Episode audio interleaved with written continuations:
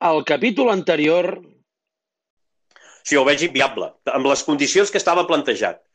Uh, és evident que l'estadi exigeix una remodelació, és un estadi que té uh, una condició única per la visibilitat, per al punt de trobada, però les seves estructures comencen a estar obsoletes uh, i això exigeix una revisió. Ara, també entenc que la grandiloquència i els termes econòmics que es va plantejar l'espai Barça ara són inassumibles. I avui dia el club entenc que està futbolísticament i econòmicament en mans dels futbolistes. I més que dels futbolistes, de set futbolistes o sis o, o, o vuit que cobren unes xifres que per mi començarien per rebaixar el sou. No per fer concessions, sinó per rebaixar el sou i per deixar de cobrar, fins i tot et diria en algun cas durant un temps. Deia que la nostra i es referia a la gent que té uns 40 anys, és l'última que ja veu un partit de futbol sencer. Perquè les noves generacions estan acostumats eh, només a mirar els headlines, a mirar els resums, els gols, i per tant estem parlant d'una cultura audiovisual, ja no només d'una cultura que tingui presència física als estadis. Això vol dir que la indústria de l'entreteniment, que és la que ha provocat la gran bombolla eh, eh de la indústria futbolística, té un problema de consum. És possible que el consum de futbol baixi.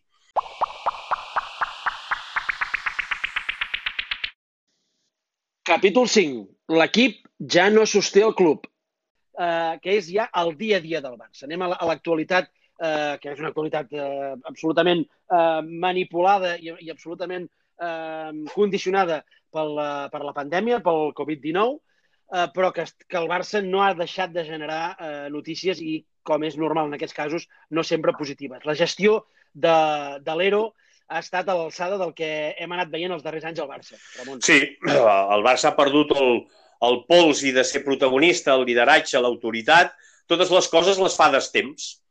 Les fa d'estemps, és a dir, coses que a vegades tenen una lògica en un determinat context, després la, la perden. En aquest cas, per començar, deu ser l'únic club en què es fan dos comunicats diferents, el que fan els jugadors, o el que fa el capità dels jugadors i el que fa el club. Això és un contrasentit per mi. I a més un comunicat que és el dels jugadors que li toca el crostó a la directiva. Bé, això vol dir que hi ha dues línies de, de, de conducta o de comportament, la dels futbolistes i la dels directius. La, la gestió de la crisi, d'altra banda, és a dir, ha acabat com si els futbolistes fessin un gran favor i eh, com els grans herois havent facilitat eh, aquest acord. Bé, per una part és un gest que jo considero que és prou noble, però també considero que és insuficient. És dir, si mirem el que rebaixen els jugadors del Barça comparat amb el que fan els de la Juve o els que fan els del Bayern, és menys del que es creu eh, aquest acte, no diré populista, sinó de gratitud, que han fet perquè els, eh, cedint una part de la quantitat eh, amb, els, amb els futbolistes eh, eh, perquè puguin cobrar els empleats. Per mi aquí ha faltat aquell punt de lideratge i d'autoritat que ha de tenir una entitat que no ha d'estar en mans dels futbolistes, sinó que ha d'estar en mans del president o d'un entrenador o un director tècnic. Estic segur que si la plantilla del Barça en aquest moment, ja sé que algú em dirà ja ha tornat a sortir el mateix, però bueno, m'és igual, jo sóc com sóc i penso com sóc. Si aquesta plantilla hagués tingut d'entrenador el Curif, o hagués tingut d'entrenador el Guardiola, o hagués tingut un president com el Núñez, per, per, pels nunyistes, o un president com el Laporta, pels laportistes, hagués tingut aquest lideratge, la solució que s'hagués trobat o la resposta a la pandèmia hagués estat diferent a la d'ara, que ha estat un president que ha estat tou perquè no sabia com portar eh, eh, la causa amb els esportistes i al mateix temps ha estat pressionat per una colla de directius, alguns dels quals acaben d'arribar al club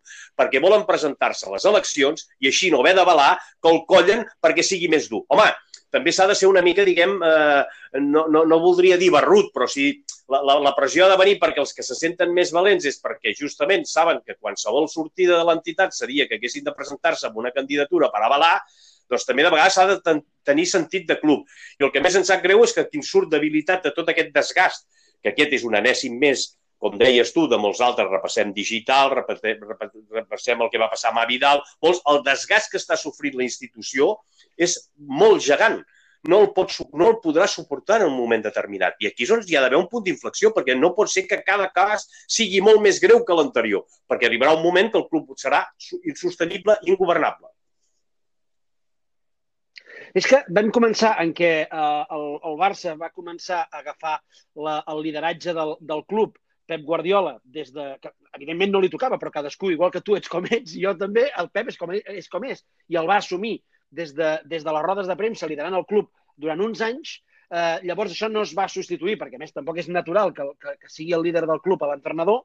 A l'entitat se li va notar falta de lideratge més amunt i hem arribat a un punt que això es va encomanant que fins i tot dins de la mateixa plantilla, eh, que són gent eh, que n'hi han de llargs allà dintre i que porten molts anys en el negoci, en aquesta, aquesta pandèmia o aquesta crisi, el que sigui, també els hi ha passat per sobre. També ja fa la sensació que ni la mateixa plantilla ha sabut estar a l'alçada i ha, ha estat just, ha, ha, ha, fins i tot a sobre de la bocina ha salvat els mobles. Llavors, hi ha aquesta sensació de que ni ells mateixos eh, s'escolten els assessors o potser aquest assessor d'abans de tota la vida de, de, de futbolistes, aquest Minguella que havia tingut un Stoikov o un Maradona, digue-li com vulguis, també està desapareixent. És a dir, estan, hi ha molts canvis en el futbol i el Barça sembla que també, en aquest cas, és sempre l'asa dels cops. Tot passa. Sí, això és veritat. Sempre ha estat pioner en, en, en, en rebre, no? També va passar en el cas de, de la Masia, quan la FIFA el primer que va suspendre va ser el Barça.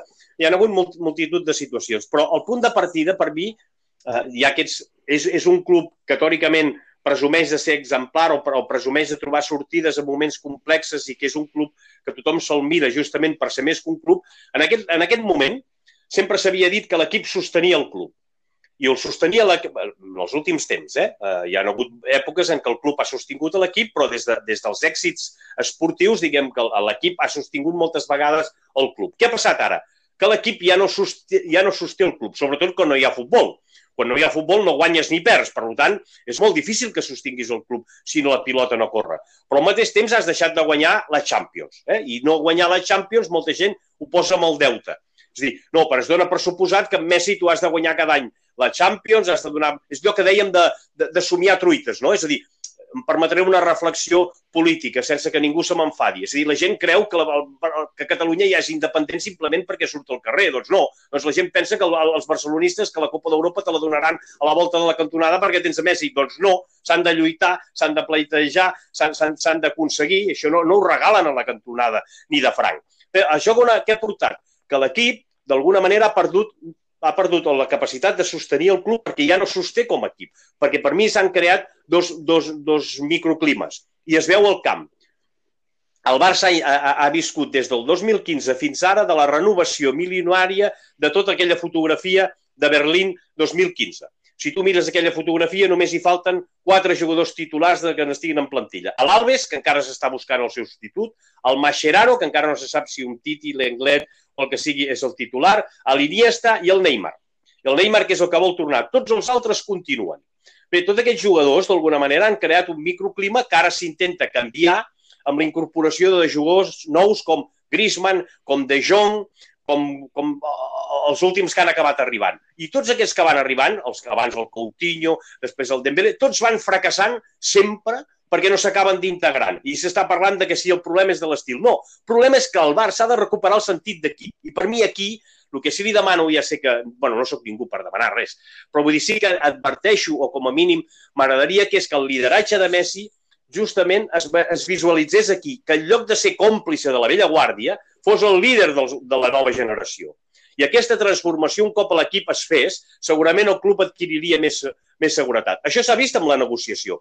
Molts jugadors no han arribat, o, la resposta dels jugadors va trigar en arribar perquè la mateixa fractura que hi ha al camp, de vegades, quan es veu que el Barça juga a una altra velocitat, s'adverteix quan els jugadors han de prendre decisions col·lectives. Si tu mires el camp, de vegades dius, home, sembla que el De Jong no entra en joc, sembla que el Griezmann no entra en joc, sembla que els nous no entren en joc. Bueno, per què? Perquè el, el, el, els capitans i el modus vivendi que tenen determinats jugadors encara no ha estat assumit o absorbit per la nova generació. I crec que primer s'ha de fer aquesta catarsis d'equip. S'ha de trobar, no sé si a través de l'entrenador, no sé si a través del Messi, el fet de fer equip. I un cop es faci equip, no visualitzarem això com si a l'equip hi haguessin dues, dues bandes, com si a l'hora de fer qualsevol decisió col·lectiva com aquesta hi haguessin dues bandes, perquè s'han perdut una mica les referències. Les referències del joc i les referències salarials. Recordo, per exemple, que a l'època de Cruyff, que és el primer que va fer l'escala salarial, ell sabia els quatre estrangers el que cobraven, els internacionals espanyols el que cobraven i els jugadors catalans o de la Masia que no eren internacionals. Tu, quan començaves de baix, sabies que un cop eres internacional passaves a l'altra escala salarial i que si els internacionals eren tan bons per competir els estrangers, eren capaços de, de disputar-los també el sou i d'entrar a l'altra categoria. Ara això s'ha perdut.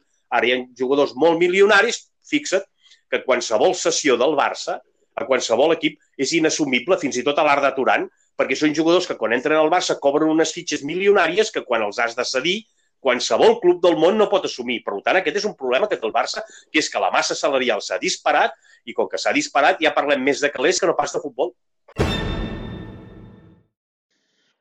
El proper capítol... Jo he vist que el mercat d'hivern ha vingut Bradway i he vist que es va haver de traspassar Carles Pérez i he vist que es va haver de fer un intercanvi entre Neto i, i Zilesen. Uh, jo crec que el Barça no té uh, en aquest moment uh, diners per fitxar ni el Lautaro ni per fitxar el Neymar. El Barça necessita sobretot velocitat i necessita jugadors de banda, necessita recuperar una mica aquell joc dels extrems, que és una de les cartes d'identitat que d'alguna manera ha anat perdent des de que l'equip s'ha centrifugat. De Jong no funcionarà al Barça o no liderarà el Barça mentre hi hagi Sergi Busquets? Uf. Tu m'estaves parlant ara de De Jong i Busquets. Bé, aquesta és una competència per mi sana, perquè és una competència futbolística. Doncs Luis Suárez ha de tenir algú que competeixi, no Brad White o, o, o Ansu Fati o jugadors que ell d'alguna manera pel seu estatus ningú li discuteixen. S'ha de recuperar la competitivitat.